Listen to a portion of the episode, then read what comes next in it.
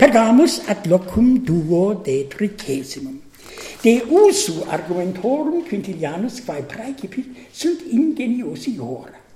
Ac primum ait firmiora esse argumenta quae ex adversario convicto extorquiantur quam quae is fateator. Fuit aliquis cum cruenta veste, ego accuso, fuisti, cum Corinto dice, non fui, minime fui, postea accedunt testes, qui testantur fuit. Pessimi habet, ergo, bonium, it convincitur testibus ergo. Ut etem alias montis, Videtis ergo, si autem is statim confitetur, fui cum cruenta veste fatior, sed quid mirum statim veni e, e macellario, sagt mal, Italia, aliam multas causas potestatur recur cum cruenta veste fuerit, ergo tum non multum nocet, ergo curandum accusatori ut eh, ne, ne, ne nimium fatiator adversarius, Ah, sì.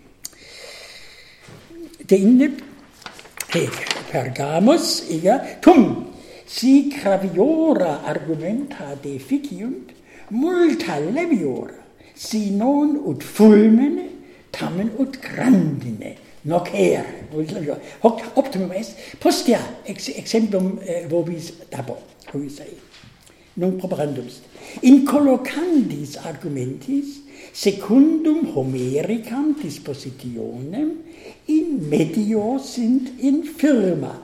Nunquam in fine cacust es messer elasse. Haec pertinent ad ducem ex ercitus certum semper homines milites in davos in medio volit ut ut roque latere sint optimi et fortissimi denique ipse se laudat jure, quod argumentorum sedibus contentus in est locis, non infinitos locos communes proposuarit. Hic quod non propopo, uh, eh, proposuit, eh, magnam materiam in injuriam in avaritiam in amicos potentiorum Italia. Vivi quod eo magis necessarium fuisse dicit, quod in scolis declamatorum, iam solam voluptatem, non utilitatem, vero oratori aptam sequantur. Ut videtur, hi loci communis, val, loci communes, valde placebant juventuti quae confluebat in scholas declamatorias, ubi affectaverunt orationum orationis genus magis jucundum quam utile. Quintilianus hoc loco ut saepissime itiam audivistis vituperat scholas declamatorum tamen eos non damnat ut plane inutilis si praeparant pugnae verae forensi utilis et bonae sunt, si tamen so uh, instruunt juventutem tantum modo eis quae placent, non quae prosunt, tum nocent.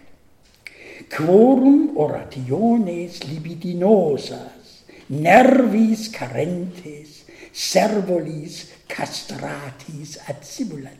Dicitu isse quostam mercatores, aut sive negotiatores servorum, qui suos servos, quos vendituri sunt antea castrent viriti, virilitatem excidant ut sint leviores nitiores magis placeat Tales non debent esse orationes.